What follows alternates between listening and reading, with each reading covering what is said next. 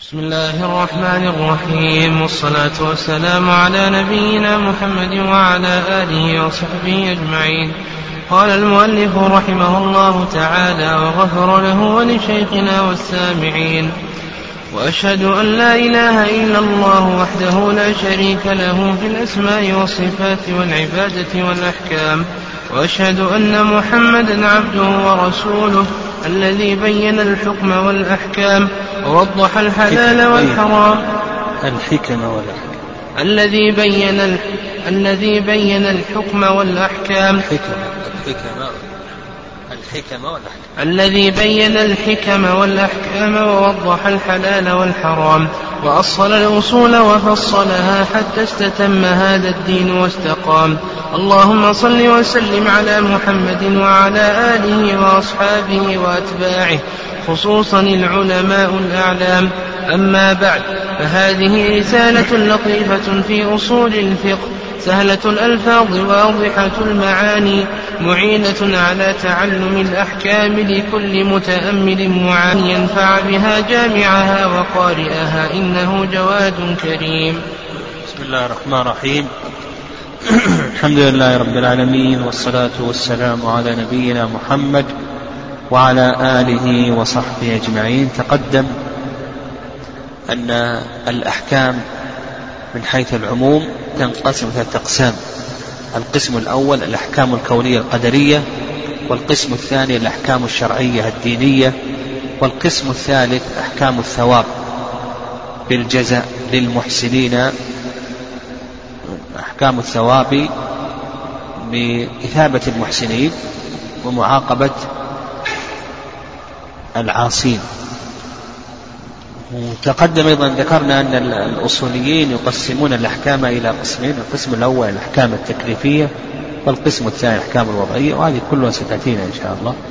قال المؤلف رحمه الله وأشهد أن لا إله إلا الله وحده لا شريك له الصفات بمعنى أعترف وأقر الشهادة.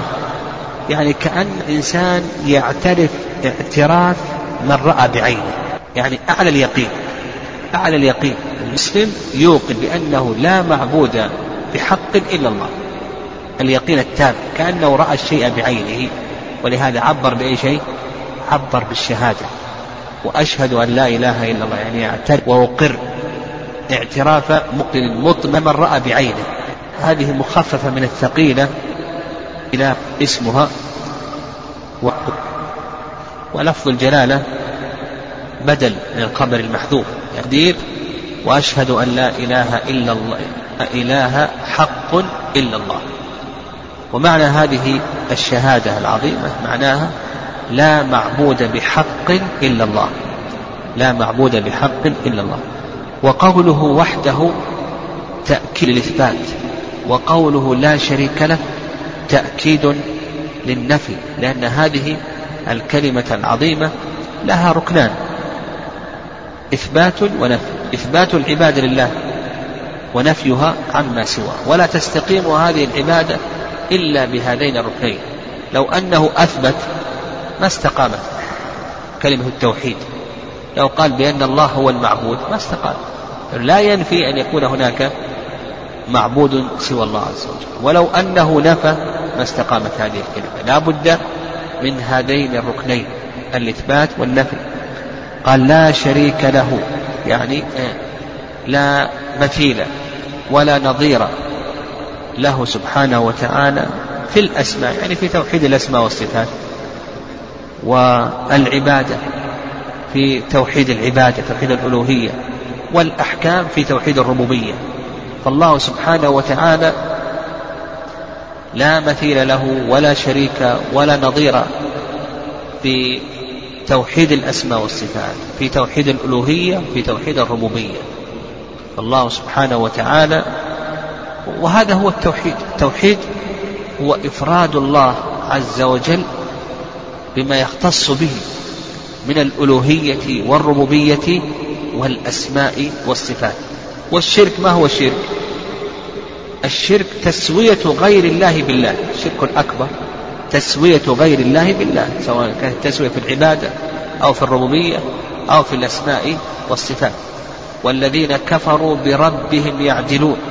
قالوا تالله إن كنا قالوا تالله إن كنا لفي ضلال مبين إذ نسويكم برب العالمين. نعم. قال المؤلف وأشهد أن محمدا عبده ورسوله. يعني يقر وأعترف شهادة موقن كمن رأى بعينه أن محمدا المسمى بمحمد ومحمد هذا اسم من أسماء النبي صلى الله عليه وسلم والنبي صلى الله عليه وسلم له أسماء نعم له أسماء محمد وأحمد والمقفى ونبي الرحمة ونبي التوبة والحاشر والعاقب هذه أسماء النبي صلى الله عليه وسلم. محمد يعني من كثرت محامده. ولا شك أن النبي صلى الله عليه وسلم له محامد كثيرة في الدنيا وفي الآخرة. من ذلك قول الله عز وجل عسى أن يبعثك ربك مقاما محمودا يحمدك عليه الخلائق عبده ورسوله. كما قال الشيخ محمد بن الوهاب عبد لا يعبد ورسول لا يكذب وقوله عبده ورسوله عبده رد على الصوفية والخرافية الذين يغلون بالنبي صلى الله عليه وسلم ويرفعونه فوق منزلته. ورسوله رد على من جفى في حق النبي صلى الله عليه وسلم ككفار العرب أو النصارى أو اليهود الذين ينكرون رسالته أو ينكرون عموم رسالته كاليهود الذين ينكرون عموم رسالته وأنه مرسل العرب خاصة أو ينكر رسالته ككفار العرب إلى آخره. الذي بين الحكم والأحكام. الحكم جمع حكمة والحكمة هي وضع الشيء في موضعه اللائق به. فالنبي صلى الله عليه وسلم بين حكم الشريعة وأسرارها ومقاصدها إلى آخره. والأحكام الأحكام جمع حكم. وهو إثبات أمر لأمر أو أو نفيه عنه. والأحكام كما سيأتينا إن شاء الله أن الأحكام تنقسم إلى قسمين الأحكام التكليفية والأحكام الوضعية. ووضح الحلال والحرام وأصل الأصول وفصلها. هذا يسمى عند العلماء ببراعة الاستهلال. وبراعة الاستهلال أن يذكر الخطيب أو المؤلف في مقدمته ما يشير إلى ما سيكتب عنه أو يتحدث عنه. وهنا قال المؤلف وأصل الأصول وفصلها أشار إلى أنه سيتكلم عن الأحكام يتكلم عن الأصول وما يعرف به الحلال والحرام إلى آخره حتى استتم هذا الدين واستقام. يعني كمل هذا الدين اليوم أكملت لكم دينكم وأتممت عليكم نعمتي ورضيت لكم الإسلام دينا. ويقول سلمان رضي الله تعالى عنه لما نعم. نعم قيل لسلمان علمكم نبيكم كل شيء حتى القراءة؟ قال نعم. قال أبو ذر ما توفي صلى الله عليه وسلم والطائر يقلب جناحيه في السماء إلا آتانا منه علما. اللهم صل وسلم على محمد وعلى آله وأصحابه وأتباعه خصوصا العلماء الأعلام. اللهم أصلها يا الله. حذفت ياء النداء وعوض عنها بالميم لأن الميم تدل على جمع القلب على الله عز وجل. وابتدأ بلفظ الجلالة تيمنا وتبركا وإلا الأصل أن تكون الميم في المقدمة لأن الميم عوض عن الياء المحذوفة. الأصل يا الله فحذفت الياء وعوض عنها الميم وأخرت هذه الميم تيمنا بالبداءة بسم الله عز وجل. اللهم صل وسلم على محمد وعلى آله.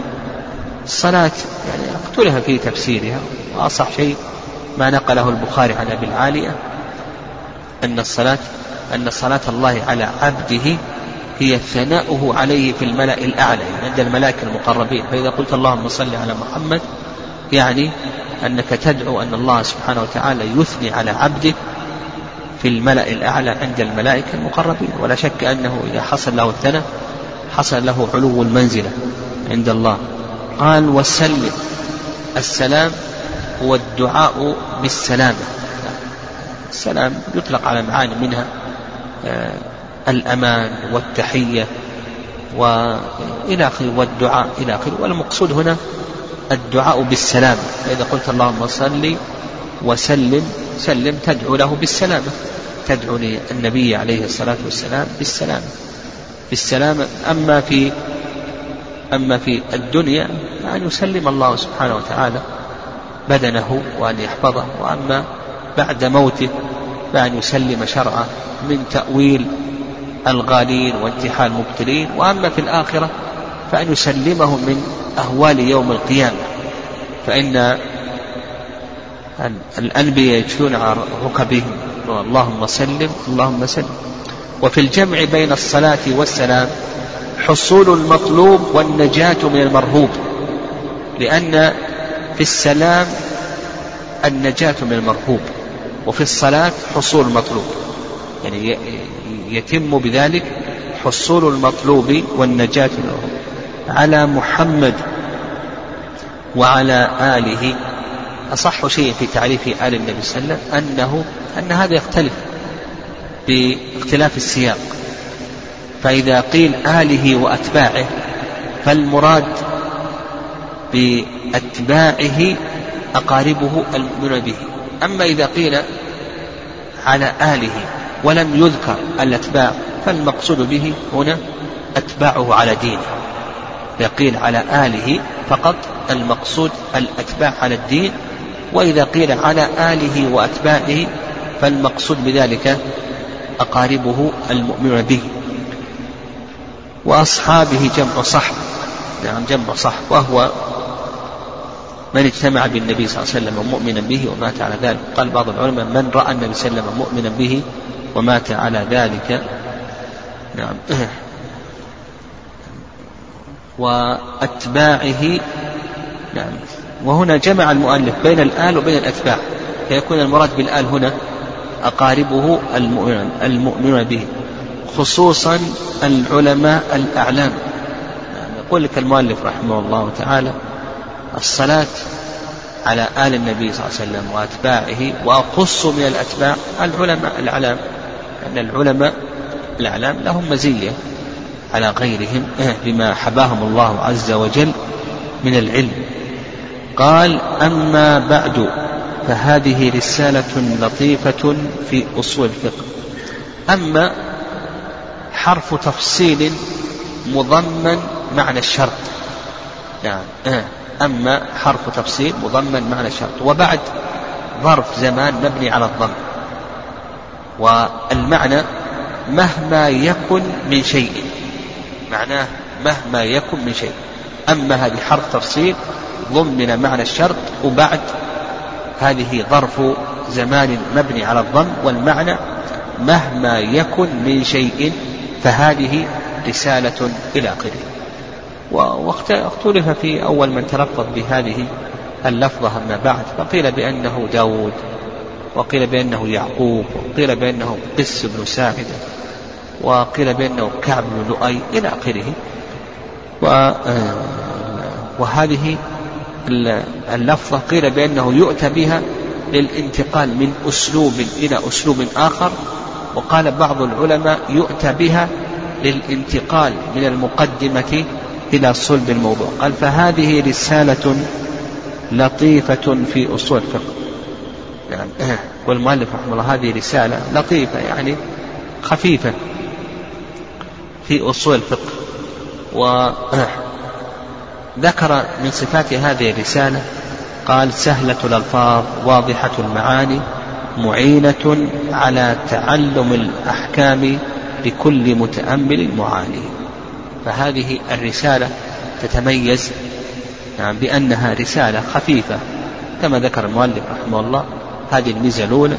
والميزة الثانية أنها سهلة الألفاظ. والميزة الثالثة أنها أن معانيها أن معانيها واضحة. والميزة الثالثة أنها معينة. نعم هو كما ذكر الشيخ رحمه الله. أنها معينة على تعلم الأحكام لكل متأمل معاني نسأل الله أن ينفع بها جامعها وقارئها إنه جواد كريم.